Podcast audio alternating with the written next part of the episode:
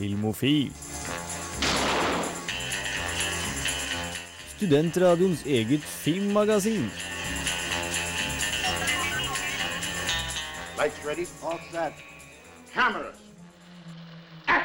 Hallo og velkommen til dagens Filmofil-sending. Det er torsdag, det er høsten 2015, og vi er i fryktelig godt humør, for i dag er det Guillermo del Toro-sending. Yay! Vi skal anmelde filmen Legend, som jeg har vært og sett. Vi skal anmelde filmen eh, hva heter den, Crimson Peak, som Jens Erik Våler har vært og sett. Eh, Vi skal prate litt nyheter, vi skal prate litt eh, film, fordi dette er Filmofil, og med meg så har jeg Hans. Jan Markus. Trine. Frida. Vi skal høre på en del musikk også, og det vi begynner med er uh, The Weekend med Tell Your Friends. Og eh, nesten, nesten litt Pink Floyd Nei, never mind. Uh, du kan gå inn på Facebook og like oss på uh, Filmofil på Facebook.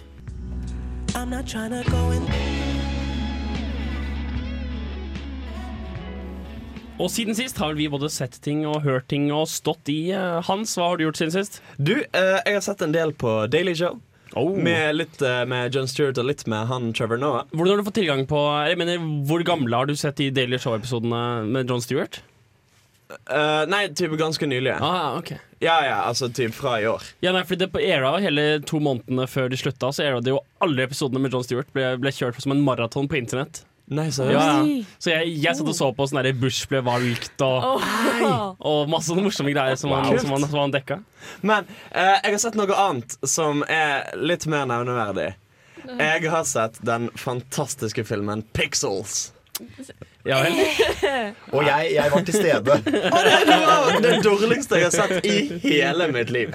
Altså, Ja, for den filmen er jo egentlig ganske kjent for å bli slaktet Ja. bra på nettet. At alle som så den, var sånn OK, nå skal jeg skrive min dårligste anmeldelse Sant. noensinne. At Det er folk, eneste at til folk jeg tar i fra å hate den, liksom. Ja, ja. jo, men, altså, altså, det, det, er bare, det er så mye som er ille. Altså, altså, er- film er det egentlig? Altså, altså, ok, Det som skjer, er at jorden angripes av romvesener. Som ser ut som eh, klassiske arkadespill. Og da er jo den åpenbare løsningen at de eneste som kan kjempe mot disse romvesenene, er gamle, svette gamers. Eh, som har memorisert alle mønstrene, og som eh, på en måte best vet taktikken bak å kunne håndtere dette. det høres litt ut som Ernest Klein, han som skrev Ready Player One, skulle lage en TV-serie. Bortsett fra at jeg likte Ready Player Men One. Da. nok om det. Eh, men altså, altså, problemet er jo at det er jo et OK konsept. Og så bare er det gjennomført med så stor forakt for alt som heter dataspillkultur. Altså, Det er Adam Sandler. det er Adam Sandler. Det er Kevin Altså, for, for det første, Adam Sandler skal forestille å være en litt sånn derre Altså egentlig smart og oppegående, men han har slått seg til ro som sånn eh, TV-reparatør-type person. Men han kommer litt sånne smarte quips innimellom og slenger litt drit og sånn. Og så er det en sånn scene hvor de har vært i liksom The Situation Room. eh, hvor de skal liksom vurdere risikoen med da Kevin James som presidenten Nei! i USA. Kongen Men- av Queens har blitt kongen av Amerika. og, og, og så, så, så blir, blir han bedt om å gå. Og da skal han liksom ha en sånn her siste sånn OK, greit, nå skal jeg disse alle sammen før jeg går. Så han slenger litt rundt seg. da Ja. Og det er så lite morsomt. Altså, det, det er sånn, Du sitter der bare sånn Dette er tragisk. Dette er er, trist. er det intendert å være morsomt, da? Eller er det intendert å være Du pinlig? poenget er at du skal sitte og tenke eh, Altså Ifølge de som har lagd filmen, at ha-ha, der fikk han siste ordet, gitt. Men det blir bare sånn patetisk og trist og jævlig. Og uh, altså he Hele filmen baserer seg jo på det konseptet at disse romvesenene følger dataspillogikk til punkt og prikke. Så den eneste måten du kan slå dem på, er å få folk som kan disse dataspillene. Klimakset i filmen er at de spiller Donkey Kong, og at Adam Sandler vinner spillet på en måte som ikke er sånn du spiller, vinner Donkey Kong. og, lo- Logikken stemmer ikke heller. og, og du har han ene litt sånn svette rare-karakteren som har sånn her klein eh, forelskelse i en dataspilldame-karakter. Og så kommer det jo eh, romvesenversjonen av denne, som selvfølgelig er ond og skal drepe han.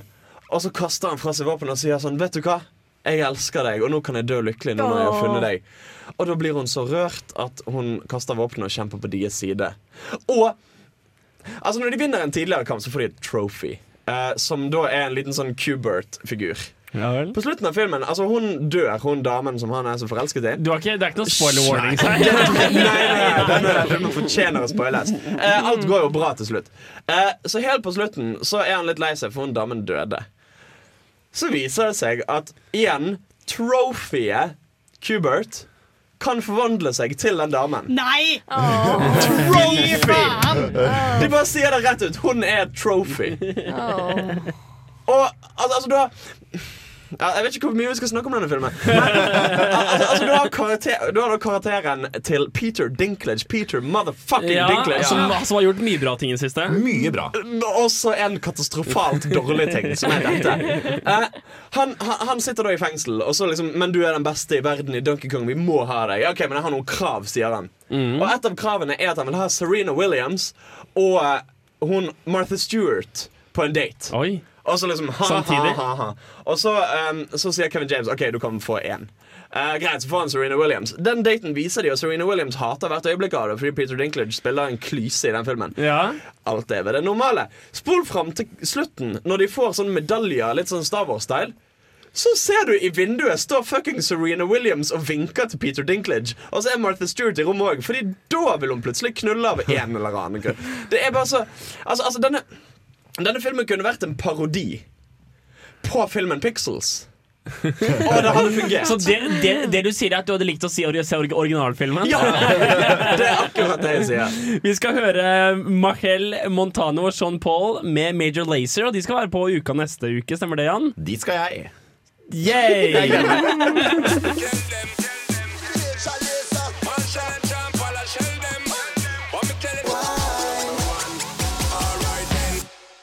One Wine der, altså, med litt diverse folk, blant annet eh, Sean Paul og Major Lazer.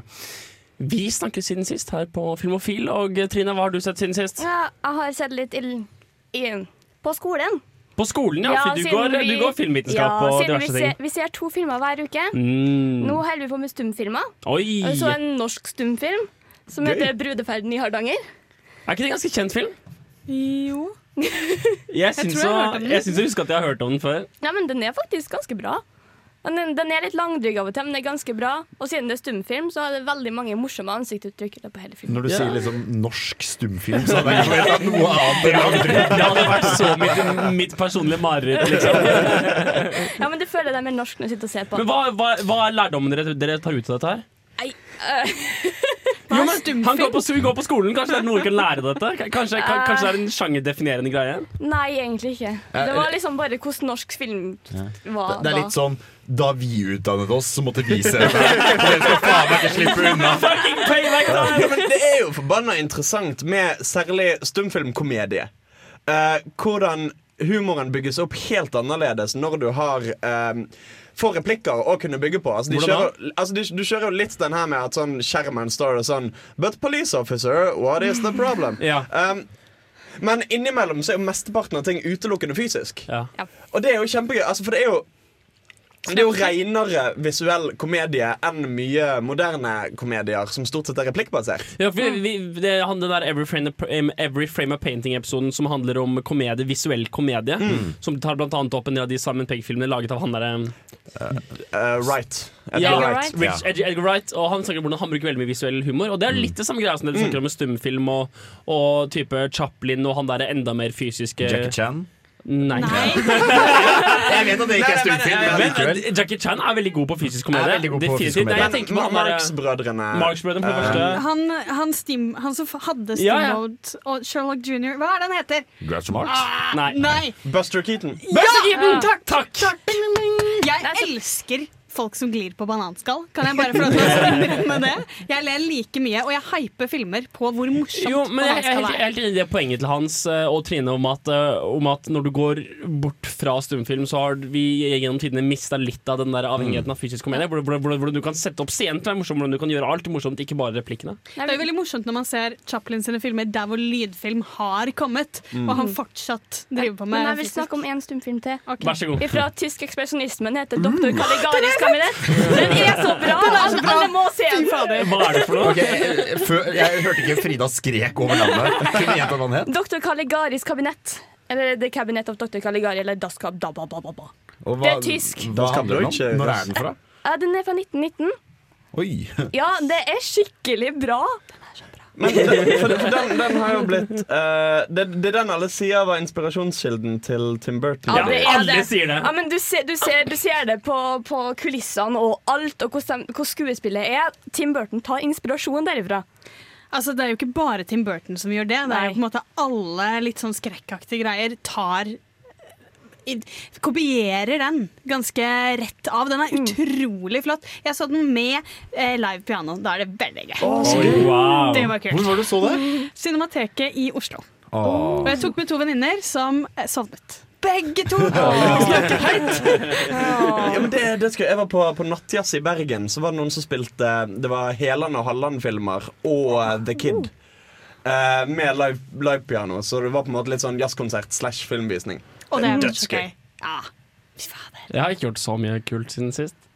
Jeg har eh, Ja. Jan? Ja, yes.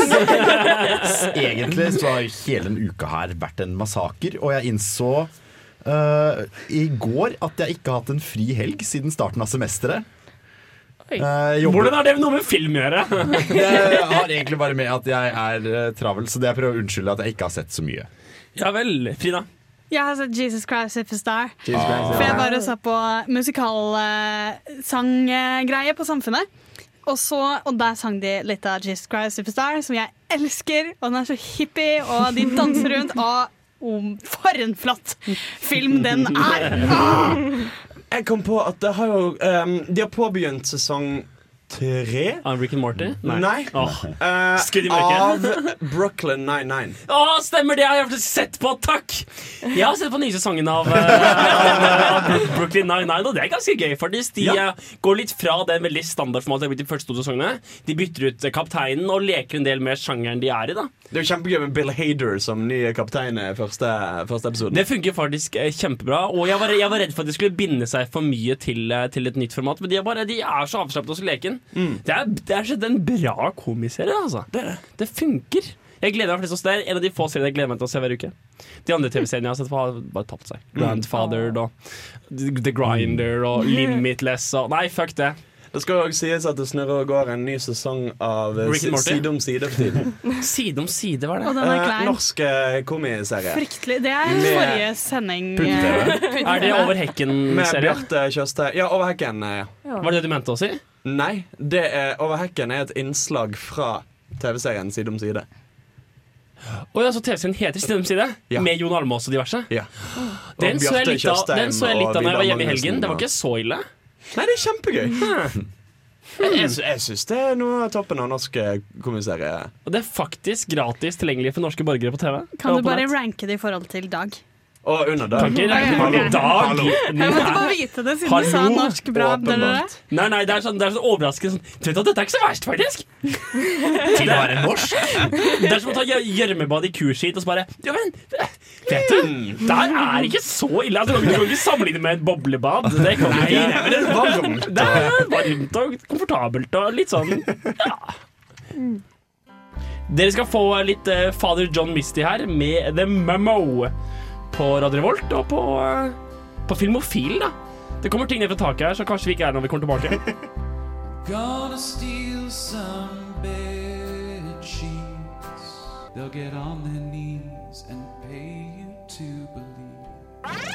Filmofil gir deg nyhender fra filmen og fjernsynets i spanende verden. Og det er nyhetstid. Vi setter over til vår faste nyhetskorrespondent Hans Ystadnes. Det stemmer, og vi skal begynne med Mad Max. Mad Max har blitt av Warner Brothers pushet på for å få en mulig nominasjon til Oscar for beste film. Ja, hvorfor er det en nyhet? Hæ? Hvorfor er det en nyhet? Det er en nyhet fordi at han kommer åpenbart ikke til å vinne. Eh, eller i det hele tatt bli nominert. Ja, det er Warner Studios er teite? Er det nyheten? Ja. Nei, nei, nei, nei. Warner Brothers er kule. Oh, ja. For de, de har anerkjent at uh, selv om Selv om Mad Max ikke var liksom den filmen som tjente mest penger i sommer, Så liker de den? uh, så er det den Alle har jo snakket om han. Alle har, har fått jævla gode Ja, tilbakemeldinger. ja, ja, ja. Eh, og de tenker vet du hva, kanskje det er på tide med en utypisk Oscar-nominasjon. Eh, så de prøver alt de kan. De har til og med gått så langt som å uh, pushe på å kanskje få nominert Tom Hardy for beste skuespiller. Charlize Theron for beste skuespillerinne. Nicholas Holt for best supporting. Uh, og Miller for beste regissør. Ja, da har de pushet ganske hardt. Ja, for det jeg mener Jeg, selv jeg er ikke enig i alle de der. Så vi står her og feirer lobbying. Litt. Litt. Nei, Når det er men, god lobbying.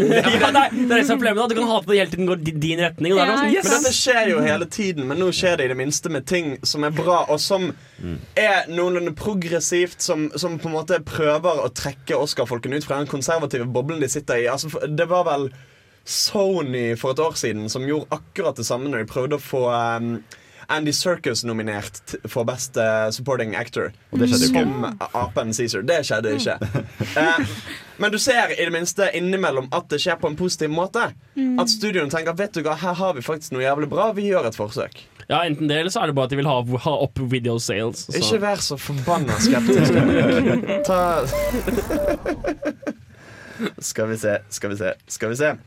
Eh, det skal bli lagd en TV-serie av tegneserien Why the Last Man på FX. Jeg vet ikke hva det er for noe. Why the Last Man er faktisk en ganske kul tegneserie. Den handler om at et eller annet skjer som gjør at alle pattedyr med Y-kromosom dør.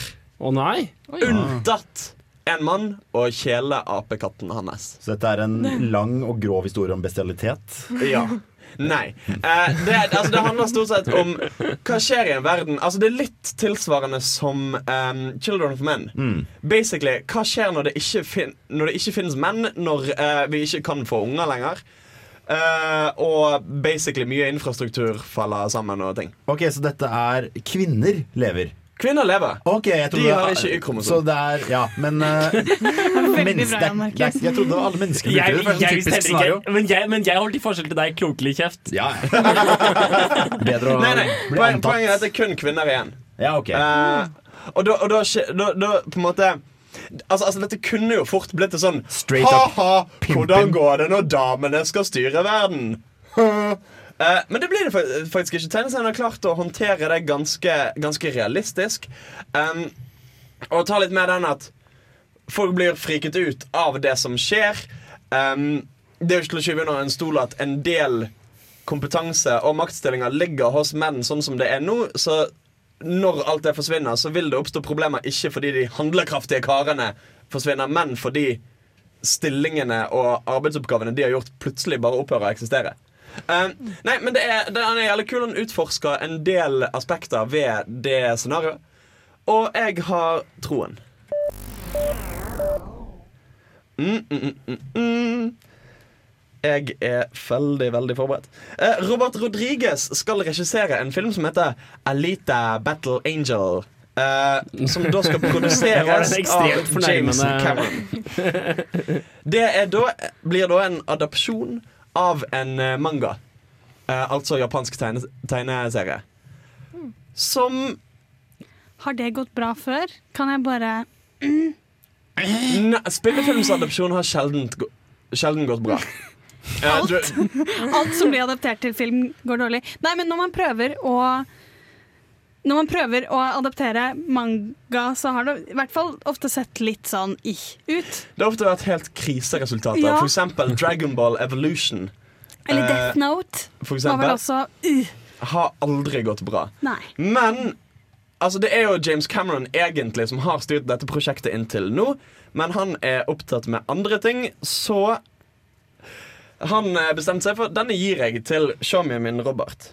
Eh, Robert Rodriguez er en veldig annen type person og veldig annen type regissør enn James Cameron. det Det er litt som å si å, nå, skal, nå, skal jeg, nå skal jeg lage en eh, romantisk liten, uh, liten ballade for kjæresten min. Så ah, nei, fuck it, jeg gir det til Slipknot. det er noe, det er noe litt annet. Det er litt sjangerskifte, om du vil. Ja, Men det kan bli bra. Jeg, ok, det er et veldig motvillig pauselyd. ja, ja, Fida. Ja, jeg har en nyhet. Eh, Er det fra Stephen Fry For jeg hadde den, men go ahead.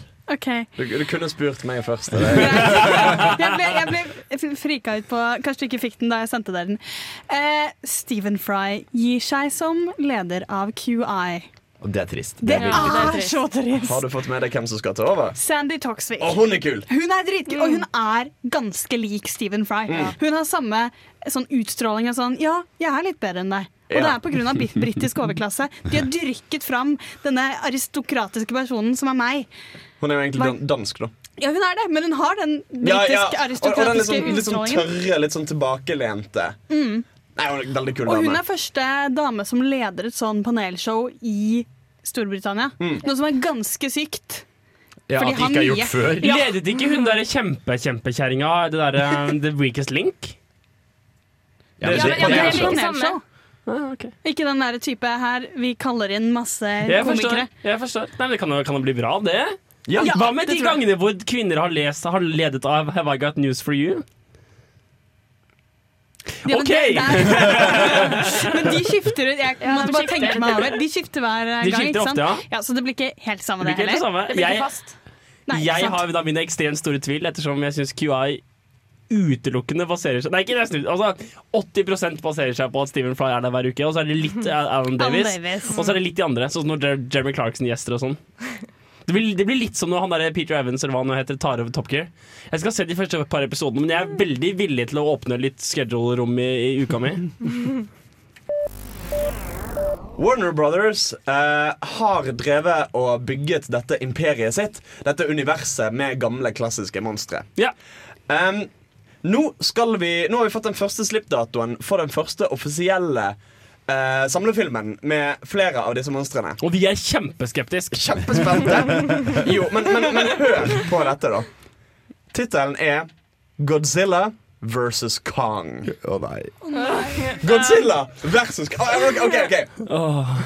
Verken King Kong fra 2007-2008-ish og den nyeste Godzilla-filmen var veldig bra filmer. Men, men det heftigste med de filmene var actionscenene. Og de var heftige. Det, det kan ikke dere være uenig i. Nei. Nei, det kan du ikke. Takk. Det var altså Eh, det eneste som ikke var galt med King Kong-filmen. Men de har vel slåss før i andre filmer, har de ikke det? Jo, jo, i, i sånne uh, kaiju-filmer som er sånn Eller typ, mange av de japanske filmene har vel en mann i apedrakt som bare sånn Ja. Big Monkey Kong, fordi at de har ikke lov å kalle han King Kong. Men um, poen, poenget er at dette kan bli skikkelig, skikkelig kult hvis de på en måte klarer å anerkjenne hva det var som var bra med de tidligere filmene. Er dette, ser dette ut til å bli en slags sånn Vi, vi får først fem-seks origin-filmer, og så begynner vi å få sånn mash-up som type Avengers, Altså hvor type King Kong Marvel-modellen. Ja, Marvel-modellen. Bare med klassiske ganske monstre. artig at du skulle Å, nei. spørre. Fordi vi har jo allerede hatt King Kong-filmen, Godzilla-filmen. Uh, den derre Dracula Untold. Um, og nå Oi, sk- er den med? Altså, Han blir ikke med på denne, men det er med i Warner Brothers uh, Cinematic Universe. Yep. Um, Hvorfor må alt være Cinematic Universe? Fordi- Fordi Marvel det er sånn du tjener penger. Uh, men for det skal komme en King Kong og en Godzilla-film til i mellomtiden. Altså da Kong Skull Island i 2017 Ja. og Godzilla 2 i 2018. Sluttet ikke både King Kong og Godzilla med at King Kong og Godzilla døde? Nei. Godzilla døde ikke. Godzilla lever. King Kong døde, og dessuten så foregikk det på 30-tallet, så liksom det, Så han, det må være han vekker sikkert til live, sånn som Frankenstein. Zombiekong! man- Vet du hva jeg stemmer for? jeg stemmer for en carbon copy av Jurassic Park. Vi lager en King Kong Park, og så går det til helvete på akkurat de samme måtene. Det var en remake. Scene for scene. Ja, er bare masse King Kongs istedenfor. Er du ferdig med nyhetene? Ja, eh, Hans? ok, jeg har en liten til. That's what she said. Ha! Nei, det stemmer ikke. Det gir ikke mening. Men du fikk et hæ likevel. Ja, takk. Uh, bare på rent instinkt. Ja. Uh, det skal komme en TV-serie basert på Hansel and Gretel Witch Hunters. Den filmen som sugde kjempehardt med Jemmy Renner. Men som tjente alle pengene i verden. Gjorde den det? Gjorde den det? Han er jo norsk! Han Sparket ræv i box office. Gjorde den det? Ja, ja, Var det ja. fordi det var sånn sykt slow del av året? Det kan godt hende. Jeg var helt sikker på at det var en film som gikk sånn direkte til DVD i tilbudsdunken Ja, på ja, ja, bensinstasjoner. ja. Men po- poenget er at det skulle komme en oppfølger, og så bare tenkte Paramount at fuck det, vi skreper alt vi har, og så lager vi TV-serie Men det er en sånn greie nå at TV-serier blir respektert som et medium. Dette er bare sånn et nytt eksempel på det. Ja. Vi lever jo i serienes gullalder, det er det jo ingen tvil om. Og hvis du skulle gjettet om han så optimistisk Kjempe. Vi skal ta og høre på en låt her. Dere får She-Wolves med 1000 Years.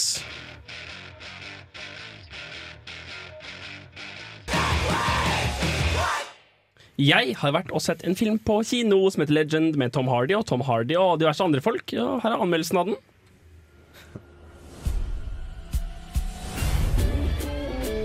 London in the 1960s. Everyone had a story about the craze. They were twins. Do you think we look alike? Reggie was a gangster prince of the East End. Ron Cray was a one man mob. It was time for the craze to enter gangster legend. Skulle du ønske en film hadde den fargefulle galskapen i hovedkarakteren fra Bronson og den stille, kule råheten til karakteren Mad Mac, da er dette virkelig filmen for deg. Fordi her får Tom Hardy spille to av sine beste stereotype roller. Legend er en adopsjon av boken til John Pearson om de historiske gangsterbrødrene Ronald og Reginald Cray. Som Brian Helgelands tidligere filmer, LA Confidential og A Night's Tale, følger vi flere parallelle historier. Vi får gangstergjeng mot resten av verden, forholdet mellom de to brødrene og kjærlighetsforholdet mellom Ron og Frances. Crime is still a business. You don't want a war. Yeah, I do actually. My loyalty for my brother is how I measure myself. What about your loyalty to me? You could go straight. Life isn't always the way we want it to be. Med god bildebruk og musikk blir det en autentisk periodefilm med følelsesladede øyeblikk. Ambisjonene til brødrene og løs kanonkarakteren i Ron skaper spenning og gjør det så godt at man bryr seg om handlingsutviklingen. Både plottet og valgene karakteren gjør, føles naturlig. Tom Hardy og Emily Browning spiller disse rollene fryktelig godt og er omgitt av et solid skuespillergalleri. Man unngår å utdype karakterene som ikke er viktige, og det at bikarakterene da forblir todimensjonale, gjør filmen strammere. Dobbeltspillet Hardy gjør, utgjør ikke et problem for meg. Brødrene er så forskjellige i både personligheter og uttrykksmåter at dette bare bidrar som en interessant dynamikk. Bare hør på dette. What is that? Yeah, what do you think, Puff? It's a fucking tool. No, it's not. It's a fucking rolling pin. Who are you, Fanny Craddock? What you do with that? You gonna bake me a cake? You gonna sing me a song, watch me blow out me fucking candles? I come here for a fucking shootout, right? A proper shootout with some proper men. Like Colonel Custer and Geronimo. Have you ever heard of them? No. Because you were too busy in your pinny baking fucking fairy cakes, weren't you? Rich, this lot of fucking nonsense to a man. They're fucking nonsense. Get out me fucking way. Go on, get out. Go on, fuck off. Call yourself a fucking gangster. A shootout, right, is a fucking shootout! Like a western. Wankers. Fucking embarrassing. Waste of our time. Fucking waste of our time. Oh, your brother's done a runner. Nah, he's just genuinely disappointed with you, that's all. Problemet med filmen? Ja, det er ikke så mye å sette fingeren på. Østkantdialektene gjør det litt vanskelig å forstå, så jeg er for en gangs skyld glad for at det er tekstet. Handlingstråden med mafiaen går ingensteds og utforskes ikke. Det føles egentlig bare som et plottpunkt og distraherer fra det filmen faktisk fokuserer på. Det mangler en dramatisk kurve, og det når egentlig aldri et klimaks. Mens det etterlater meg litt utilfreds, virker det som intensjonelt. Formen av filmen reflekterer verden den prøver å depektere. The world is a lot like London. It isn't good, it isn't bad, it just is. Og på samme måte er ikke denne filmen teater, den er heller ikke en dokumentar. Den er bare det den er. Og det den er, er underholdende. Dette er ikke en film som prøver å skape masse eksplosjoner og masse sirkus. Det er en film som trekker deg inn, og kanskje glemmer du helt at du sitter her. Your brother is violent, paranoid schizophrenic. What I'm trying to tell you is that he's off his rocker. Well, no, no, no, no, no, no, no. Me and my brother, we're gonna rule London. Ja, så det var en film. Mm. Første spørsmål jeg har. Uh, spiller han to personer bedre enn Lindsay Lohan i Foreldrefellen? Skal ikke så mye til, da. Skal ikke så mye til. Han spiller to roller bedre enn Winklevoss-tvillingene i The Social Network. Ja, okay. Spiller han to roller bedre enn Nicolay Lee Kaas i De grønne slakterne? Har jeg ikke sett. Spiller han to roller bedre enn Kate Blanchett i Coffee and Cigarettes? Han spiller to roller bedre enn Eddie Murphy spilte fem roller i den filmen der han spiller alle rollene. Ok, bare for å legge det dødt. Poenget er at disse to folka er så forskjellige, og de er forskjellige, forskjellige, forskjellige hår. Han ene har briller, han, han har, eh, han har eh, tannerstatter. Altså, han går rundt med et sånn lite gebiss. Så under, underbittet er forskjellig. Alt ved fremtoningen deres er forskjellig. Kult. Så det er egentlig bare veldig altså, Dette er en typisk, typisk film der Tom Hardy bærer filmen, sånn som en del andre filmer. Bronson og, og til en viss grad Nei, det stemmer ikke. Ikke Mad Max. Men det er, det er et par filmer der Tom Hardy virkelig er en hjørnestein i filmen, sånn som Warrior, den, den nei, MMA-filmen. Så det er egentlig, når han, når han spiller så bra, og det er et bra film, så har jeg egentlig bare lyst til å se mer av han. Og det funker veldig bra i denne filmen, fordi begge karakterene er dødskule. Så det er en veldig god sånn eh, Hva skal jeg si, Tom Hardy-watching. Ja. ja, det er det, det er det, men det er ikke bare liksom Det er, det er, det er ikke så mye en uh, Snatch Lock Stock-film med han derre Guy Ritchie. Mm. Det er ikke en Guy Ritchie-film. Den følger Det er, det er mer en type LA Confidential som de to filmene refererte til. Night's. Tale. Det er en del action, og så er det en del story, og så er det en del forhold mellom de to. Det er et eller annet bare med en gang jeg hører den der skikkelig bred Mm. Østse-dialekta, så tenker jeg med en gang dette er Guy Ritchie. Ja, Ut det fra traileren med den dialekten og med musikken, Mm. så fikk du veldig Guy Ritchie-vibber. Og det er også noe av det jeg ville få frem i anmeldelsen, at det er ikke det det er. Men er det en komedie? Nei. Nei. Nei, overhodet ikke. Nei, Det, men, okay. men det er noe kult i den på en måte, måten å snakke på, og hvordan Tom Hardy spiller de rollene. Så er det jo noe, noe gøy og noe interessant. Men det er ikke humor. Um, det er ikke noen laugh out loud-scener, liksom. Det er eh, og det går heller ingen steds. For som Jan sa, når man ser en sånn Guy Ritchie-aktig film, så tror man det kommer til å skje noe. Men det skjer egentlig ingenting. Så det blir som en sånn bra film der det er en blanding av alt sammen Ja. i ett. Mm. Og det funker helt fint. Altså, det er en film jeg anbefaler å stikke og se. Jeg trenger ikke å prioritere den fremfor noen annen film, men hvis du trenger en film å se, så er den kul, liksom. Hvis du trenger å se litt på Tom Hardy fordi han er Ja. en dritgod Ja. skuespiller. Ja, hvis- han er ålreit, Og Ja, det er et godt poeng. Og det er et godt poeng. Hvis du trenger å se Tom Hardy, så er dette filmen å fuckings gå og se denne uka. Og, og du, Paul Bettany har en kjempeliten kamo. Og han der, hva heter han første av de moderne doktorene i Doctor Who? Chris Eccleston. Han har en rolle som en uh, litt sånn recurring uh, politidetektiv. Eh, så det er jo på en måte mye gode skuespillere. Tøft. Depekterer veldig Hvorfor bruker jeg det ordet? Brukte det i anmeldelsen også. Avbilder. Avbilder, fremviser, eh, forestiller, ja, i hvert fall forespeiler. Forfekter. Den projiserer en eh, periode i England som den gjør på en veldig god måte. Altså, det, er veldig, det er veldig autentisk, og det føles veldig ekte. Kult. Og hun, eh, hun dama, Emma Browning, eller hva hun heter, som Emily spiller, Browning. Emily Browning, spiller veldig godt. Så det er bra, det er bra men det er, det er ikke konvensjonell. Man ser ikke, man ser ikke grepene komme. Er, er det noe mer å si? Noen flere spørsmål? Nei. Hmm? Tror jeg vil se den, jeg. Jeg, jeg setter på litt Beglemeg mens dere tenker. Men jeg vil stille. alltid se litt mer av Tom Hardy, Ja. så det er vel Ja. egentlig Så når du har sett Mad Max, så setter du på den her etterpå. Bare for å sånn fylle opp. Sånn Anmeldelsen mer- kunne vært- kunne vært bare det. Liker du Tom Hardy? Ja, ja men da burde du gå og se Legend.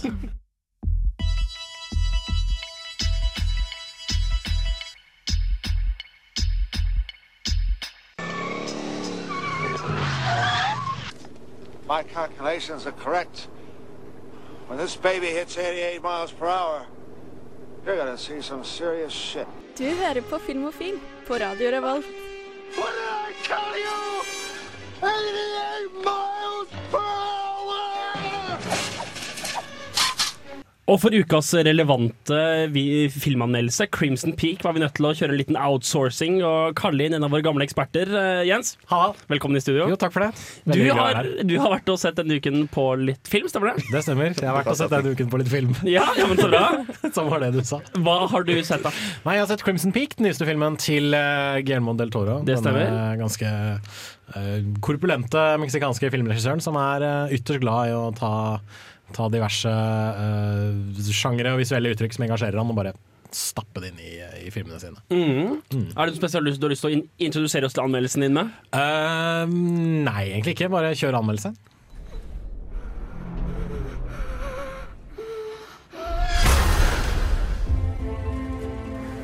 Ghosts are real. I've seen them all my life. Ghosts. I never imagined that's what you wrote about. Jeg møter alltid en ny film fra Guillermo del Toro med en viss spenning. Den meksikanske filmskaperen låner alltid fritt fra sjangre og uttrykk som engasjerer ham, men selve skuespillet har alltid vært litt på skranten. Slik er det også i hans nyeste film, 'Crimson Peak', en småguffen og nifs spøkelseshistorie med en nydelig visuell gjennomførelse.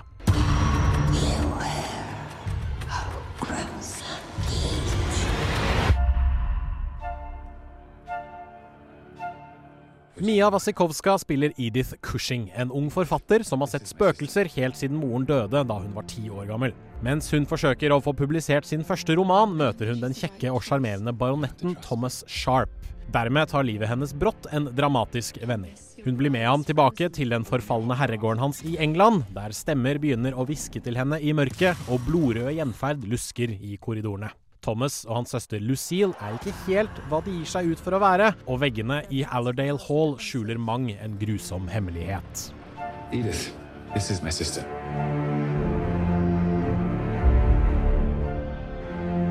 I don't think she's the right choice. You have to trust me. Det er viktig å påpeke at Crimson Peak ikke er en skrekkfilm. Det er et romantisk melodrama som tilfeldigvis har spøkelser i seg. Her legges langt større fokus på rollefigurene og deres samspill, samt deres fortid og psykiske tilstand, framfor å skremme vettet ut av tilskueren. Det betyr derimot ikke at Del Toro utelater spøkelsene fullstendig. Når han vil, vet han å frembringe både skrekk, vemmelse og uhygge i kinosalen gjennom både enkle og mer kompliserte grep. Knirkende dører, raslende vinduer og utydelige hviskestemmer skaper en gjennomtrengende nifs stemning idet Edith begynner å utforske Allerdale Hall. Andre ganger fokuserer han utelukkende på det makabre og ekle, med nærbilder av innslåtte skaller, avmagrede skjeletter og tykt, flommende blod som velter fram fra kroppsåpninger. I feel as if a, a link exists between your heart and mine.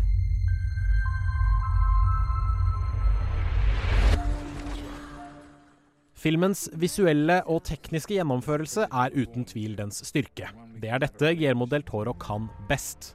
Filmkulissene er fantastisk konstruerte, proppfulle av bitte små detaljer man kun plukker ut etter å ha sett filmen flere ganger.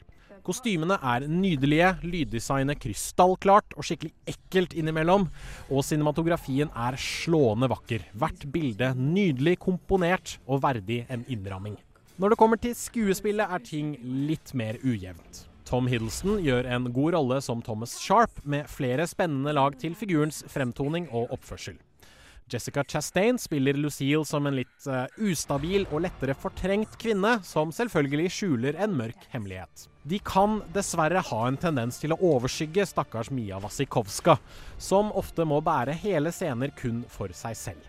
Hun virker noen gang litt anonym i rollen som Edith Cushing, men litt av poenget er kanskje også å frembringe at Cushing er en litt naiv ung jente som ikke helt vet hva hun begir seg ut på. Thomas! Has anyone died in this house? If you're here with me, give me a signal. Crimson Peak er verdt å se kun for det visuelle. Guillermo del Toro har skapt en vakker film der hver scene fremstår som et levende maleri stappfullt av detaljer. Dette er visuell filmporno, som understreker at del Toro er en av verdens mest teknisk dyktige filmskapere. At det skranter litt på skuespillet, har derfor ikke så veldig mye å si.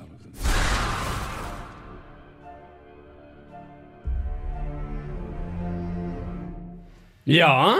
Dette er da åpenbart en Del Toro-film, og vi har da kommet rett inn på ukas et tema. Og du, du dekker jo et par viktige po- poeng her, Jens, nemlig at uh, han bruker en del uh, monstre.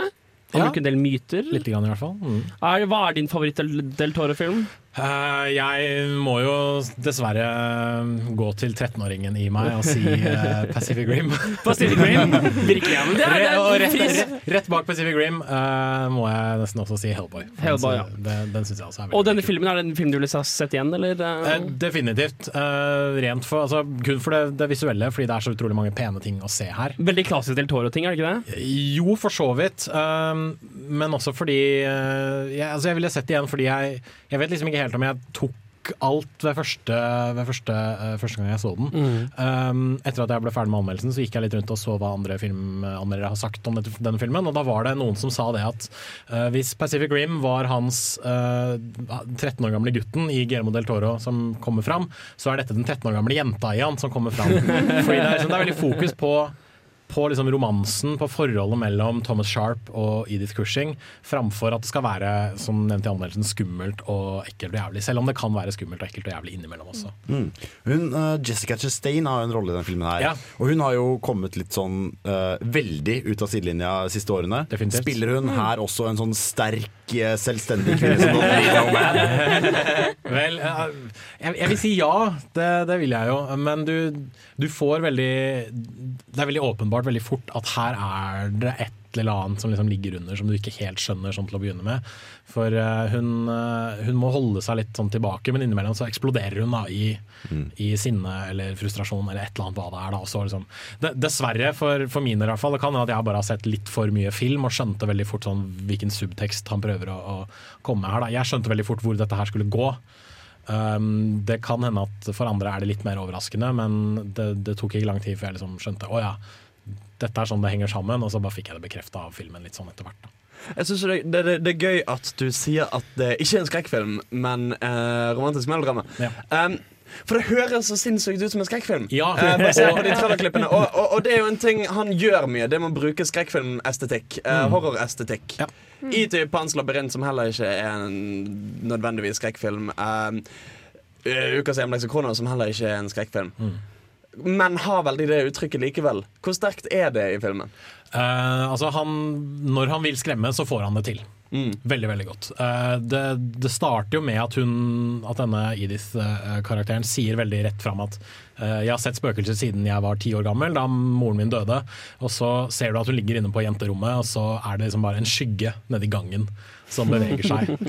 Og så begynner den å liksom skyggen å liksom manifestere seg opp fra gulvet, da, sakte, men sikkert. Kamera som bare står der dønn rolig, gjør ingenting. Og så klipper de da til stakkars lille Idi som ligger i senga si med ryggen til døra. Og så bare kommer det en hånd, en lang, svart hånd med liksom, med liksom klør som bare liksom legger seg på. Da. Så er det en, en, liksom en halvveis sånn skjelett en råtnet eh, kropp i eh, lang, svart kjole som liksom hvisker inn i øret hennes. Da. God stemning. Eh, så han, han vet virkelig hvordan han skal liksom lage ting som er liksom ekkelt og jævlig. Men en ting jeg synes var veldig interessant, er at eh, tidlig i filmen så tar hun med denne, dette et bokmanus som hun tydeligvis har jobbet med en stund, når hun er eh, litt eldre, til en forlegger. Han leser, leser gjennom og sier sånn Å ja, ja, interessant, det er en spøkelseshistorie. Og så sier hun nei, nei. Det er ikke en spøkelseshistorie, det er en historie som har spøkelser i seg. Spøkelse er en metafor for fortiden. Og det er sånn, umiddelbart da så gikk det sånn varsellampe i hodet mitt. Sånn, Dette er regissørens stemme! Det du skal få se, er ikke en skrekkfilm! Spøkelse er en metafor! Det her, du nevner jo at det er en veldig pen film, og Del Toro har jo sin liksom, spede begynnelse i spesialeffekter. Mm. Er det mye dataanimasjon her, eller holder han seg liksom, til sånn typisk sin egen sjanger med praktiske effekter og lateks og gummi og Det, det aller meste ser veldig praktisk ut. Altså Innimellom så ser jeg for meg at det er noe, noe CGI-greier involvert. Liksom når ting kommer opp av gulvet og ut av vegger og sånne ting. Men eh, jeg vet i hvert fall at uh, godeste Doug Jones, som ofte har vært en samarbeidspartner med, med Guillermo del Toro, han spilte i Hellboy, begge Hellboy-filmene. Han spilte Faunen i Pans labyrint, f.eks. Han eh, gjorde Altså Han var liksom i full kroppssminke som noen av disse spøkelsene som driver og beveger seg rundt. Da. Og eh, for det aller meste så tror jeg dette her er praktiske effekter, fordi alt ser ut til å ha en veldig sånn bestemt sånn tilstedeværelse i filmen. Det virker aldri som om folk må reagere på ting som egentlig ikke er der, som de spalter inn i ettertid. Da. Så kort fortalt, hvis det er dataanimasjon, så ser du det ikke. Definitivt. Vi skal ta og gå videre til eh, faktisk diskurs og introdusere litt Guillermo del Toro for folk som ikke kan det. Men aller først får dere BJ and the Chicago Kid med Church. She says she wanna drink, do drugs, and have sex tonight. But I got church in the morning, church in the morning. She says she wanna drink, do drugs, and have sex tonight. For et program i hurra med både klasse og stil. Du hører på Filmofil. Bling! Uh, vi er da inne på Guillermo del Toro. Det er jo da en mann, en meksikansk mann, som har blitt eh, litt sånn større og større etter hvert. eh, en av de mest, eh, han blir kalt en av de smarteste menneskene i Hollywood. Hvilket da selvfølgelig er et godt tegn for meksikansk-amerikansk innvandring. uh, han har store politiske linjer her. Guillermo del Toro har jo selv sagt at det er det han elsker med et eventyr. De forteller sannheten. Det handler ikke om organisert politikk eller religion eller økonomi. Det handler bare Fordi altså, de, de tingene ødelegger sjelen. Mens, mens, mens eksempel i, i Pans labyrint så er ideen om at, om at eventyr er liksom det som er sannheten. Og det går gjennom alle filmene mine, har han sagt. Han er, han, er, han er da en dude som begynte med spesialeffekter, begynte å makeup-ansvarlig på en del ting. Ut og holdt på med det i ti år. Han har laget meksikansk TV en stund. Han underviste film, før han da kom i rampelyset med filmen 'Kronos' i 1993, som vi kommer tilbake til som ukas hjemmelekse. Mm. Og jeg så jo, jeg har sett litt intervjuer med han, hvor han f.eks. For forteller om eh, der hvor han på en måte begynte å bygge opp litt uh, repertoar og litt creds. creds. var jo en sånn eh, som han kalte selv, skikkelig dårlig meksikansk serie. Hvor han sa at uh, jeg kan gjøre spesialeffektene, jeg trenger ikke lønn. Uh, så lenge dere gir meg ressursene til å lage spesialeffektene, Mm, mm. og la meg regissere noe og skrive noen episoder. Så skal jeg gjøre alt gratis. Så bare for å liksom eh, bygge seg opp litt uh, erfaring der, da. Og det gjorde han også med uh, Alfonso Cuarón. Spilte også inn, eller var også med å lage den samme serien. Var det, hvem, ja, for det er han som Han som lagde Eksorsisten? Nei, Children of Men. Ah, uh, men ja, stemmer, ja. Gravity. stemmer, akkurat. Det er liksom, eh, det er, det er, det er liksom han og han derre Ira... Nei, det er Injaratu. Ja, det er, Å ja, Birdman er Injaratu. Grav er ikke Gravity samme? Nei. Nei. Da er jeg Nå er du, nå er du rasist, Frida. Altså, Cuaron er Gravity og Children of Men og Prison of Azkaban. Og uh, Inyaratu er Birdman og Babel. De er begge to med andre meksikanske kjente directors og venner av vår kjære Del Toro. Det er jo gøy at du har denne da, trioen med Mm. meksikanske filmskapere som faktisk gjør det jævlig bra i Hollywood. Ja, og de kom ut med de filmene samtidig. Children of Men, Babel og uh, Pans labyrint kom ut samtidig. Så det var liksom litt sånn greie med at Det er litt sånn, sånn venneflokk som får unger samtidig. Og så etter Kronos så prøvde han å lage en film som heter Mimic, som var hans første Hollywood-forsøk, og det gikk visstnok så drittdårlig at han dro tilbake til Mexico. og og de, de, de prøvde å få han til å lage Blade 2, og så sa han nei, fuck dere, jeg vil lage Devil's Backbone her i Mexico. Lagde han ikke Blade 2? Og det var fordi de fuckings venta på han i årevis! Tenk det! Men Tenk sånn, det er han jo faktisk ganske kjent for. Kanskje en av grunnene til at eh, han er en av de regissørene man kjenner. Han har veldig sånn spesiell stil. Mm. Fordi han er jo kjent for å være sånn Å, nå får jeg en blockbuster, men jeg har en eh, indiefilm her borte. Så jeg gjør ferdig den først. Og en som faktisk ganske konsekvent går fra store prosjekter for å gjøre ferdig filmer han liker. Og det er jo noe han sier også. Han har jo laget Hellboy. Um, og da Pans labyrint, og så var det noen som så sier han at mange kommer til han og sier Å, jeg liker de spanske filmene dine fordi de er litt mer kommersie. Og eh, de, jeg merker at de er litt mer personlige filmer. Og han er sånn nei. Jeg hadde ikke laget Hellboy hvis, jeg ikke, hvis den ikke var dypt personlig for meg. Mm. Altså, vi, vi- skal snakke om karakter, kar karakteristikker uh, uten å gå for mye inn på mytertema, slik som vi skal inn på etterpå. Så er han en person som er veldig glad i monstre. Han er veldig Mm. glad i insekter. Ja, Frida? Han har, han har en utrolig fantastisk eh, forklaring av det. Ja. For han, eh, da han var ung, så hadde han um, Et sånt grønt teppe hengende på veggen. Tenker vi på samme historie nå? Nei! Okay. Jeg vil fortelle den historien uansett, for den er dritbra. Vil du ta den etter at Frida forteller den var midt Nei, oppi? for vi kan tenke litt på den Ja. Han hadde, eh, da han eh, var liten kid, så hadde han uh, problemer hvor han vætet sengen uh, Ja. ofte fordi han var livredd. Han så, han, han så monstre overalt. Mm. Og i intervjuer så høres han også ut som en type som tror at ja, det finnes monstre. Mm. Det, det, det finnes spøkelser. Mm. Han skammer seg ikke over å si det. Og han sier da han så disse monstrene liksom, en, i skygger, og han hadde et sånt grønt frynsteppe med liksom, ekle fingre som drev og hang nedover. Og han gjorde da en deal hvor han, eh, han turte ikke gå på do, han, eh, fordi han eh, var redd for at monsteret skulle ta han. Til slutt en dag så sa han da liksom sånn høyt ut til seg selv og til monstrene Hvis dere lar meg gå på do nå uten å ta meg, så skal jeg bli bestevenn med dere for alltid. Og så gikk han på do. Han ble ikke tatt av monstrene. Kom tilbake og har vært bestevenn med monstre. Og tisset normalt siden det. Og, og altså, Apropos så har han jo da mye religiøs uh, ting i sine filmer. Gjerne katol katolikk. Det er kanskje litt feil, så det er kanskje litt fornærmende å si apropos. Men litt i samme ideen av imaginære uh, folk, så er det ha, mye religion er, er viktig i, i hans Han gikk jo på sånn uh, jesuitt-kostskole. Og hadde jo veldig religiøs familie. Mm. Eh, det, grunnen til at han så så mye monstre da han var liten, var at han hadde eh, sånn sleep paralysis. Mm. Drømmeparalyse. Sånn som er at du blir Du våkner på en måte i hodet. Ofte kan du åpne øynene, men du får ikke beveget kroppen. Og veldig mange som har det, sier at man får Altså, du virkelig går inn i et mareritt. Ja. Mm. Eh, og det er et eller annet med Det var, den, det var samme historie. Mm. Jeg bare hadde ikke hørt om det grønne teppet. eh, og det er noe med det der at han har et helt annet forhold til dette demoniske eh, delen av katolisismen. Da. Sånn, Mm. Han har åpenbart blitt venn med det, tatt det med seg inn i filmer. Og, og, og skapt sin på en måte idé av hva det er som kunst. Da. Mm. Det er jo veldig kult Han har en greie med å lage disse filmene vi snakker om nå, som er lavbudsjettfilmer, men som ser ut som store spesialeffektfilmer. Mm. Han sier at han, hvis han får 20 millioner for en film, så lager han, lager han som det ser ut som det er 60 millioner for den. Men samtidig så har han laget filmer som er vanvittig høybudsjett. Ikke sant? Harry Potter, Prince of Azkaban. Han var med å skrive det Nei, beklager. beklager. Jeg, mener, eh, jeg mener Pacific Rim. Og han, han driver nå og lager toeren til Pacific Rim, den Ma- Maelstrøm. Han, lager, han har laget Hellboy 1 og Hellboy 2. Han skal lage Hellboy 3, holder han på med. Så samtidig som han lager disse veldig personlige liksom, meksikanske filmene, så lager han vanvittige storbudsjettfilmer. Som også er personlige for han. For han! Viktig å understreke. Vi skal høre på Death by Unga Bunga med Tell Me Why.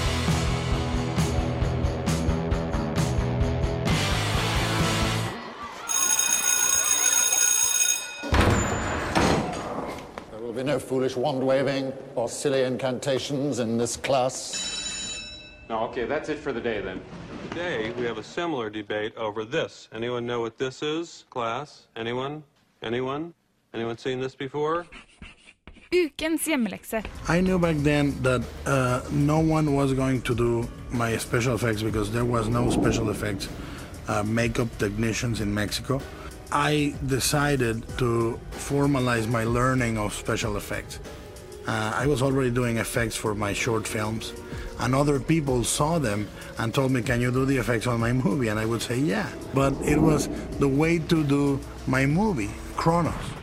Og ukens hjemmelekse var da Kronos, hans første film som ble populær i hele verden. Hele verden. Hele verden. Og det er en film han begynte å skrive i 85. Altså åtte år. Så han har liksom gått rundt og pønsket på denne filmen åtte år før den kom ut. Uh, så det er jo Fyren har jo alltid vært uh, fascinert av film. Han sa jo også i intervjuer at den spenningen etter ha liksom hatt en Super 8-kamera, laget sin første skikkelig ræva film, men det var hans, fått da filmrullene tilbake framkalt på apoteket i posten, og så liksom kjøre det prosjektoren, og så se liksom OK, det suger, men det er mitt. Altså Den spenningen har liksom aldri klart å, toppe det. Og ja, det Kronos, hans første film som eh, vi hadde som hjemmelekse, foregår naturlig nok i Mexico, hans eh, hjemby. Hvor vi får da ja, hjemlandet. Hva er galt med landet Afrika, egentlig? Uansett, eh, hjemby i, hjemby i Mexico.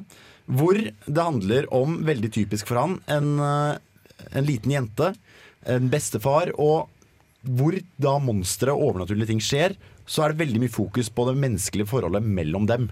Og så er det jo en veldig kul eh, introduksjon han har til liksom, for meg en litt ny måte å se på vampyrisme og monsteraktige ting på. da Mm. Vi har, Jeg har funnet et klipp til her. Det blir en klipptungt stikk der. Jeg bare synes det er kult å høre på han snakke om det.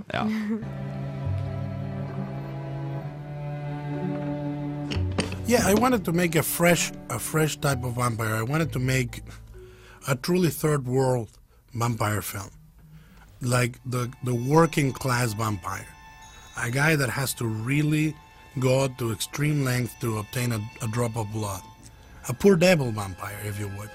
And I think that that that made me say, well, if that's true, then you have to have a reformulation of all the mythology in new terms. Well, what if a vampire uh, type of syndrome occurs when an insect inoculates the victim with a drop of uh, filtered blood and, and creates a craving for blood, a sensitivity to light, a shedding of the skin, all these things. You know, and I just thought it was not that far fetched. It was, but you know, who knows.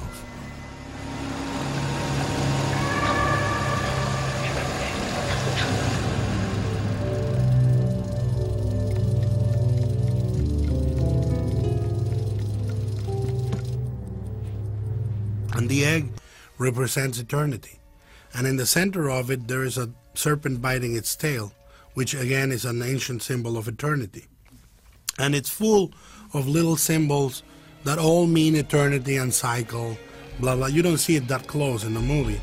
And it has an engraving at the bottom that says suo tempore, which is the phrase the alchemist says, which means everything will happen at its own time. You know, if you have to die, you'll die the day you have to die. If you have to live more, you'll live a little more. So it's a very simple design and a very beautiful design, but it contains a lot of stuff. And I find that when you have symbols, everything becomes uh, a juxtaposition of meanings, and you get a richer image, and you get a richer tale, and a richer movie. Så likte folk den, den, denne filmen?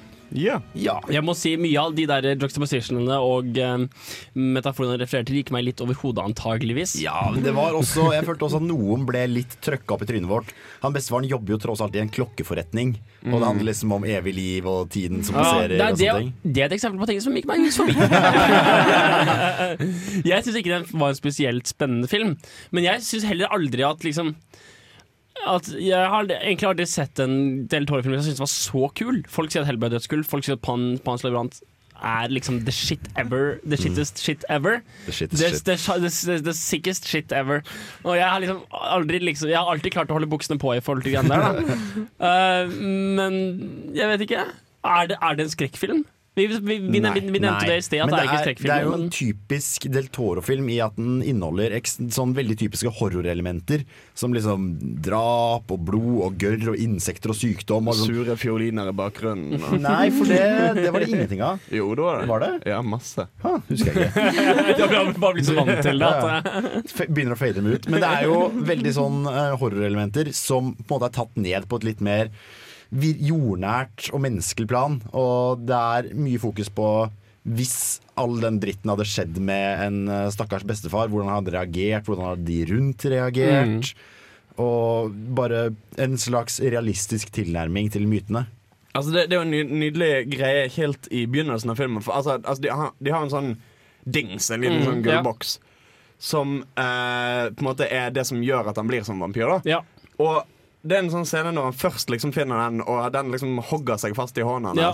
Og da er det liksom ikke sånn uh, Han prøver å ned, litt. Bare, ja, det var sånn, farlig. «Ah, farlig». faen, hva er dette for noe og det at han nedspiller litt, gjorde det egentlig mer creepy for min del. For jeg la, jeg la veldig merke til lengden på de nålene. Bare, ja, men du er dritekkelt ut! Kom igjen, da! Kom igjen da, Ta det litt seriøst, da! Jesus! Ah. Jo, ja, men, ja, men, ja, men typ, altså det at han Altså, Hvis det hadde skjedd med deg, så hadde du ikke umiddelbart tenkt Oi, dette kommer jeg til å bli vampyr av. Du hadde tenkt, Hva faen Nei, det er for sant. bullshit Det er, jeg hadde frika betraktelig mer enn han, da. Altså, men det du sier med at veldig mye bare fyker over hodet ditt, Ja. er jo egentlig ganske typisk han òg, for han kan så mye om Han har så mye kilder som han refererer til. F.eks. denne amuletten er basert på et sånn viktoriansk livgivende smykke som er en Mm. type skarabé som Mm. unge damer gikk med for å vise at de var vitale. Og så har han jo researcha masse med, med, med vampyrinsekter. Er Også en sånn greie mm. som er vi, virkelig historie. Og du, på en måte, selv om du ikke skjønner det, så merker du at historien er veldig forankret i noe veldig sånn med substans, og spesielt hvordan han behandler myter som vi skal komme tilbake til i neste stikk. La oss på den noten høre på Susanne Sundefør med Kamikaze. Nydelig. Det er så. Nydelig her på Radio Revolt. Du hører på Filmofil. Jeg liker at du styrte mikrofonen og allikevel fortsatte å synge. Min ikke så veldig godt forkledde ekshibisjonisme kommer frem her på, på Radio Revolt. Uh, hva er neste? Hva, hva, hva er temaet? Nå skal vi snakke om myter. Myter? Eller hvordan uh, Del Toro bruker myter. For det er jo kanskje det mest gjennomgående hvordan han bruker myter og liksom figurer vi kjenner igjen fra vår liksom, felles eh, referanse. Kulturarv. Kulturarv. Ja, fordi Som han nevnte i Kronos-stikket vi brukte, så liker han å bruke uttrykks og symboler som, som har en juxtaposition til uh, betydninger som gjør filmen rikere. Og, og, og derfor syns jeg det, det, det er så åpenbart at Hellboy er et personlig prosjekt for han.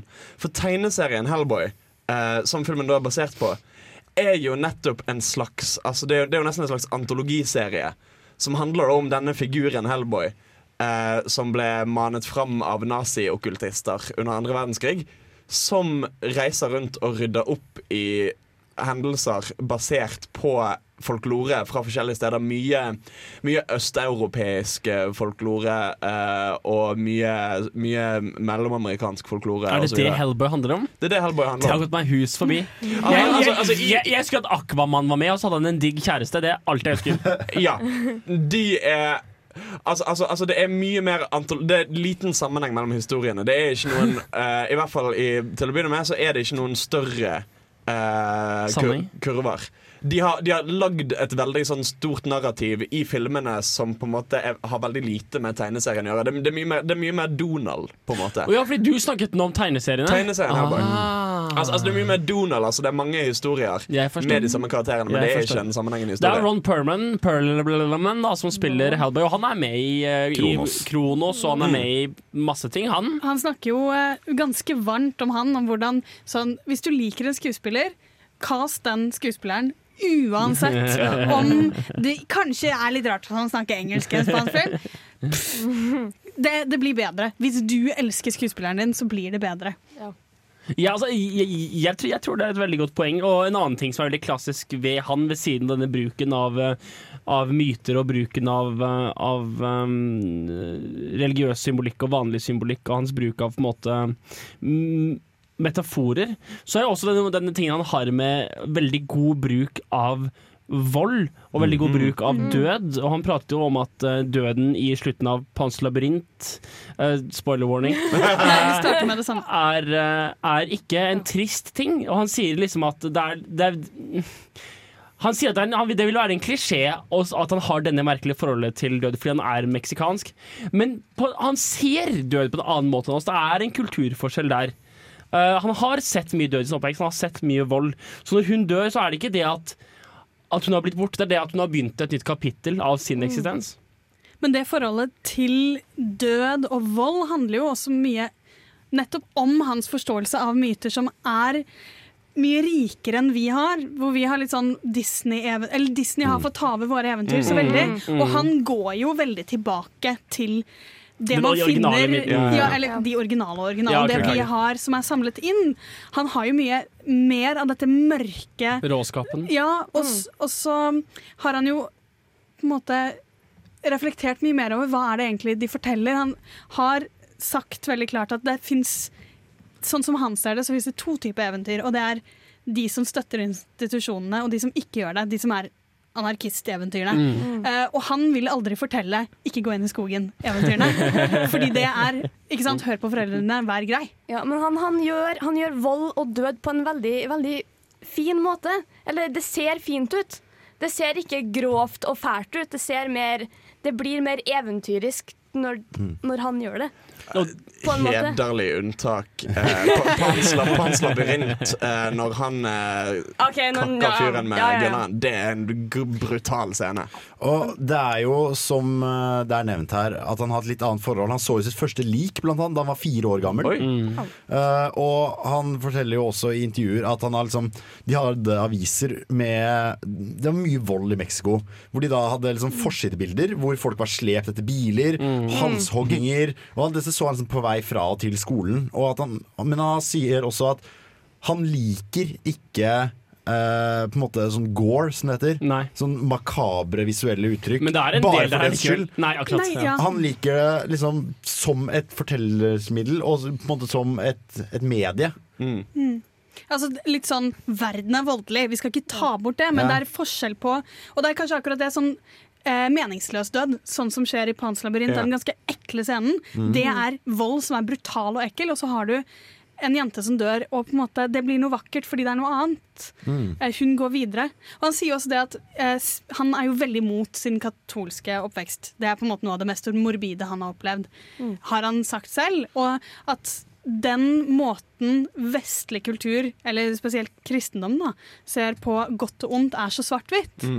Og han er veldig østlig inspirert på den måten sånn det er alt en del av det hele, det liksom blandes sammen, du kan ikke finne lyst og mørkt like binært da, at han er veldig opptatt av det type verdenssynet. Han, han bruker mye symbolikk inn, altså fra typ eh, paganisme og naturreligioner, Mm. som nettopp er jo blitt skurkefigurene i katolisismen. Fordi at eh, kristendommen alltid har tatt eh, disse paganske religionene og gjort de til bildene på Satan og på djevelen for å på en måte trykke det ned. Og det, ja. og det er også en grunn til at han sier han liker å bruke barn i sine filmer. Fordi barn er, eh, de er så åpne og så følelsesmessige og fortsatt ikke på en måte støpt. Så de ser, de ser kanskje monster og tenker de å, hva er dette for noe? Istedenfor i løpet av liksom 18 år så har de lært det er feil. Så går de bort og så undrer de hva er egentlig dette for noe. Og det er f.eks. i Kronos og i Pans labyrint så ser du skikkelser som vi helt klart bare ville sagt nei, vet du hva, fuck det her, jeg stikker.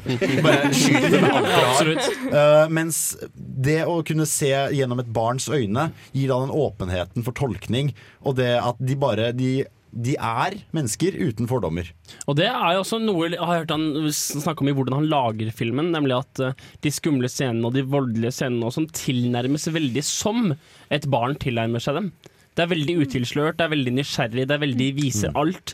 Og det er veldig fryktløst viser alt. Altså denne, denne scenen hvor han generalen syr sammen kinnet sitt i Pans labyrint, det er gjort med en sånn derre veldig skal vi si, naiv grovhet.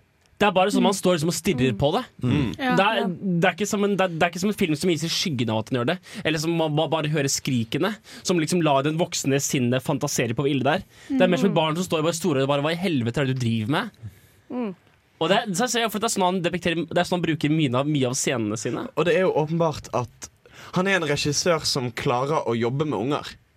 For det er alltid, Ja. det er alltid Mm. gode skuespillerprestasjoner fra Mm. kidsene i Det er filmene. sant. Mm. Og det er ikke alle som får til. Vi skal ta og rulle videre. Vi skal høre på Madeon med Pain or Mind featuring Passion Pit. Og det er en Lemater-remix, da, i parentes. Bare for å være, bare for å være helt spesifikk. Det kom kommet med et nytt album nylig, visstnok. Og det er visstnok norske. Drammen-gutter. Ja, jøss. Og de spilte på Uka. Uka! Sam. Det er jo alltid å ha musikk når den er påtent. Helst noe indisk eller pakistansk. Ukas filmlåt. Og ukens filmlåt er da ikke overraskende nok en Del Toro-film. Og hvilken? Lullaby. Ja. Det var et uklart spørsmål. Så hvis du klarte å høre hva som ble sagt oppå hverandre, har du nå filmen og sangen. El labyrinto, el labyrinto del fuano, fueno, fuego. Jeg vet ikke. Jeg kan ikke du spansk. spansk på videregående? Nei. Pans labyrint er jo kanskje den største suksessen til Del Toro. For den på en måte har absolutt alt vi har pratet om, bare klemt sammen til en sånn deilig klump med veldig friskt, moderne eventyr. Og er den eneste filmen Del Toro-filmen jeg har sett. Ja, mange har det nok på samme måte. Mange Den- som har fått den servert i spansktimen på videregående, tror jeg. Åh, Jeg ja, fikk en sær og noe spansk film. Om en hatt. Men uansett. Det er jo, som vi nevner, det er uh, typisk Del Toro, fordi det er, det er barn, det er monstre, det er groteske scener, det er vold, Uh, det er historie, det er, det er spansk kultur. Det er eventyr. Kort innføring for dere som ikke aner hva Pans labyrint handler om. Så er det en dobbelthistorie eh, om en ung jente som heter Ophelia, som vokser opp eh, rett, et, rett under den spanske borgerkrigen. Og bor hos sin, gan sin ganske onde stefar, som er eh, en del av Francos eh, hær, som er ute i skogen og prøver å rense ut de siste. Opprørerne. Ja. Ganske grotesk sånn sosialdrama der, og samtidig så går hun Så får hun Hun møter en faun, og så får hun beskjed om at hun er en eh, eventyrprinsesse. Hun er utvalgt. Hun er Altså, utvalgt. hun, jenta, hun, hun, hun, jenta, hun jenta har et lite psychological, psychological break, er det det jeg tror vi sier? Nei, det er faktisk veldig, veldig uklart. Og det, og det er eh, Det er noe veldig Jeg tror veldig mange henger seg rett og slett opp i sånn hvor ekkelt det vakre er. For du har liksom feer som veldig ligner på insekter. Mm. Og du har denne allerunen hun driver og dyrker fram for å redde sin lille Det bror. sykt creepy. Som er, det er så ekkelt! Og så Og det dette jeg her hele, det fi gode. og så tilbringer jeg hele filmen på å være sikker på at han der, faunoen er en fuckings bad guy. Ja. Ja, fordi det, disse eventyr den, Disse eventyrvesenene De er så ekle, og de bare går rett inn i at vi tenker sånn Ah, satan! Klarer han nå der å gjenskape den følelsen et barn vil ha til at ting som egentlig er intendert gode, kan se ekle ut? Barn kan ofte være redd for in intendert positive gjenstander. Og på samme måte så, ja, så, så, så på samme måte som barn er redde for alt mulig rart, så jeg, vil jeg her være redd for den personen som er intendert til å være good guy. Mm. Og så Det som på en måte Hmm. nesten virker trygt, er jo på en måte menneskeverden, og det er jo det mest altså, Det er jo fucka, mest fucka alt. Ja, og det er jo så utrygt og så vondt med han meget, meget Ja. onde Stefan. og ja, for Dette er jo to filmer på en gang. Det er El Lavrentino del Fano, nå fant jeg navnet. Og, og ved siden av det så er det en, er det en uh, borgerkrigfilm. Mm. Og det er helt genuint to forskjellige filmer, med to forskjellige fargepaletter og to forskjellige storyer og to forskjellige tempoer. Og Det er to veldig forskjellige filmer. Mm. Og det er også uh, Del Toro har jo sagt at han var kid. Han var sånn uh, scrawny, liten awkward fyr med, som kneppa skjorta helt igjen. Og gikk egentlig og dagdrømte mye for seg selv. Men han dagdrømte aldri til det punktet hvor han på en måte koblet helt ut. Han satt alltid og så rundt Ja, i verden. var Og så, hvor han så liksom sånn Mm. Og hvordan kunne det fungert? Er det, er det magi som står bak det? Og, og nå skjedde det noe Nå var det noen som døde, så leste jeg avisen. Kan det ha vært en faun eller demon eller sånne ting? Hvor han da alltid Han mister aldri bakkekontakten helt, kanskje utenom Hellboy. Men eh, at han prøver Han liker å koble mytene inn i den virkelige verden. Og det funker jo fryktelig bra i denne filmen. Eh, hvilken låt er det vi skal høre på, Frida? Vi skal høre på Lullaby. Og det er Det er sangen fra Pans labyrint. Takk til Frida. Hei! Hei! Det er ikke 90s sitcom-flashback. Ta og Skru på noe annet. Ja, bedre, men prøv igjen. Der, ja! Filmofil presenterer ukas serie. Veldig god lydmiks her på Filmofil. Eh, nå har ikke vi sett så veldig på denne TV-serien The Strain, da, men, men det er nå en gang det som er hans eh, på en måte Det er den TV-serien han har hatt mest fingre i, og det er også den TV-serien som er mest aktuell akkurat nå. Eh, The Strain har kommet godt ut i andre sesong. Uh, handler om uh, um, moderne verden der det er vampyrer, og det begynner med et, et fly som blir sendt fra Berlin til, til Amerika, til, til, uh, og, og alle dør, og så er det ikke du allikevel, og så Ja, action. Og jeg, jeg, jeg så første episode i dag, og um, den har definitivt den Guillermo del Toro-greia med å være sykt creepy. Altså Hvor det er veldig vellaget monstre og veldig vellaget creepyhet. Og veldig sånn Det er en scene hvor en dude står desperat prøver å grave en orm som er i ferd med å spise seg inn i hånda hans. Han prøver å grave den ut av hånda. Og jeg, jeg sitter og styrer og ser på bare ah, dude, dude, dude, bror, liksom. Helvete. Uh, og uh, så det handler hovedsakelig om denne, denne in, in, in, invasjonen av, eh, av vampyrer. Vi skal ta og, og høre på et lite, lite klipp som jeg fant. Vent litt, vent litt, vent litt. Nå. The Strain was intended as a book that makes you believe that your next door neighbor could have turned into a creature like this. That uh, there is no safe place, that your living room, your bedroom, your normal house in the suburbs can suddenly be invaded by uh, creatures that are completely alien to human nature. The vampires have a whole biological side that I figured out over more than 20 years.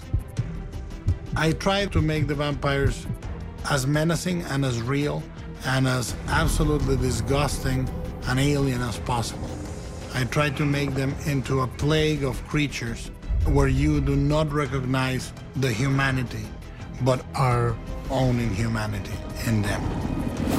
Bam, bam, bam. Det er jo eh, som Du nevner en serie med monstre og mye creepy jævelskap. Er det, er det liksom en slags oss mot dem-monstre, eller er det sånn hvor står vi i denne miksen oppi alt dette her? Er, tror du Tror du monstrene Er monstrene de ekte monstrene Er det oss? inni oss? Nei, jeg tror definitivt er en de ekte, ekte monstrene er han der vampyren som løper mot deg og skal spise deg. Jeg tror ikke det er en sånn der... «Å, eller- er det jeg som, som Er som er torturerte monsteret Ja, ja. kjempelenge? Så det er ligger der liksom en fyr som griper tak i halsen din med kjeven. Ja, nei, det er ganske, tror jeg, jeg tror det er ganske sort-hvitt. Det er for det lille, det lille jeg har sett. Jeg prata med Andreas, og han sa at, altså en venn av meg, og han sa at eh, det har holdt seg veldig bra utover i første sesong. Og det er ikke en sånn serie som er veldig episode eh, Veldig sånn episode for episode, hvor det resettes for hver episode, sånn White Collar eller Det var et dårlig Mm. eksempel, men altså, sånne, sånne episoder som har veldig intern episode-story. Mm. Dette er en langsgående story med hele sesongen. Den er jo basert på en boktrilogi, så det er ikke veldig rart. Det ikke som rart. han også skrev selv. Men eh, det er jo egentlig Han er jo tilbake på vampyrer, for han har, eh, han har en utrolig flott forklaring av hvorfor man må bruke vampyrer eh, i romansen. Ja. Romanser. Mm. Eh, som han gjorde da i Crimson Pick. Crimson Pick. Eh, og så har han Oppfølgeren til Brokeback Mountain. Jesus! og samtidig så har han da dette synet på vampyrer som på en måte mennesker som har mistet medfølelsen sin, og dermed bare hvor dyreaktige mennesker blir. Ja. Mm. Uten, og det er jo det som er Det er en del av den originale myten om vampyrer. Mm. Disse, hvor grunnen til at vampyrer blir sett på som så overlegen sto, liksom gode mennesker, da. Mm. De, de er ekstra sterke, de kan fly, de kan da, da, da. Det er ting du får ved å gi opp menneskeligheten din. Mm. Og han har det synet samtidig som han har den Jo, men vampyrer er også samtidig et vel, en veldig bra metafor på mellommenneskelige problemer når man prøver å bli glad i hverandre. Så får vi se hvor mye av, hvor mye av den men- mellommenneskeligheten som kommer frem når du liksom hopper sidelengs i slow motion og skyter en neglepistol full av sølvpiler. Uh, det heter vel ikke neglepistol, det heter vel uh, Spikerpistol. spikerpistol full av uh, sølvspiker. Uh, så det er, det er visst ikke en serie som både balanserer den veldig dypheten som du snakker om, Frida, og liksom veldig klassisk action-thriller, for det er definitivt en amerikansk TV-serie, helt uten tvil. Han skalla alkoholikeren fra eh, House of Cards er med, ja. og, og flere andre folk. Uh, der, der, Til en par til. Er, er, er det Sam Gangwise fra, fra Lord of the Rings, eller hvem er det han der andre duden? Sam Gamgee. Ja, er det det? Men han er jo, man må jo si Vi har jo faktisk ikke vært innom eh, godeste Pacific Rim nesten i det hele tatt. Eh, Nei. For vi ble så opphengt i myter. Men den, han gjør jo noe lignende med også actionfilmer. Mm, mm. Der det at han sier sånn Ja, action, det pleier å være Inspirerende taler, store roboter, spesialplekter, monstre. Men grunnleggende for actionfilmer eh, Pacific Rim behandler jo det at Grunnleggende er alltid denne individualismen. Sånn America, fuck yeah, vi løper ut og skyter. Jeg løper ut og skyter alle. Mens han har laget et konsept der hvor det handler om to mennesker må samarbeide så mye at de blir ett menneske. Sånn, ta, sånn selv i de hvor han ikke tar myter, men tar en, en på en måte filmsjanger, så gjør han jo også en tweak på det som skal si noe mer om menneskelige verdier. Så du, du får ta og klikke inn og se om du er enig i at det er det han har prestert. Eh, vi skal ta og høre Bendik med siste gang, og dette blir da siste gang vi går til eh, låt vi nærmer oss, nemlig slutten av sendingen.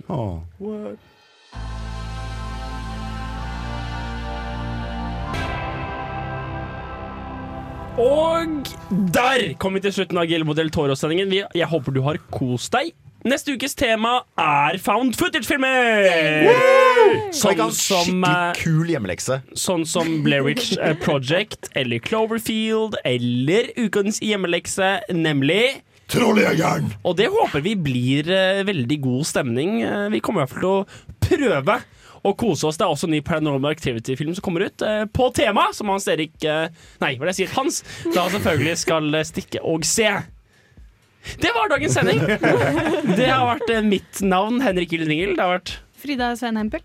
Trine Mover. Jan Markus Johannessen. Hans Husternes. Og vi takker for eh, ditt bidrag av å høre på, for det, det liker vi. Ha det bra.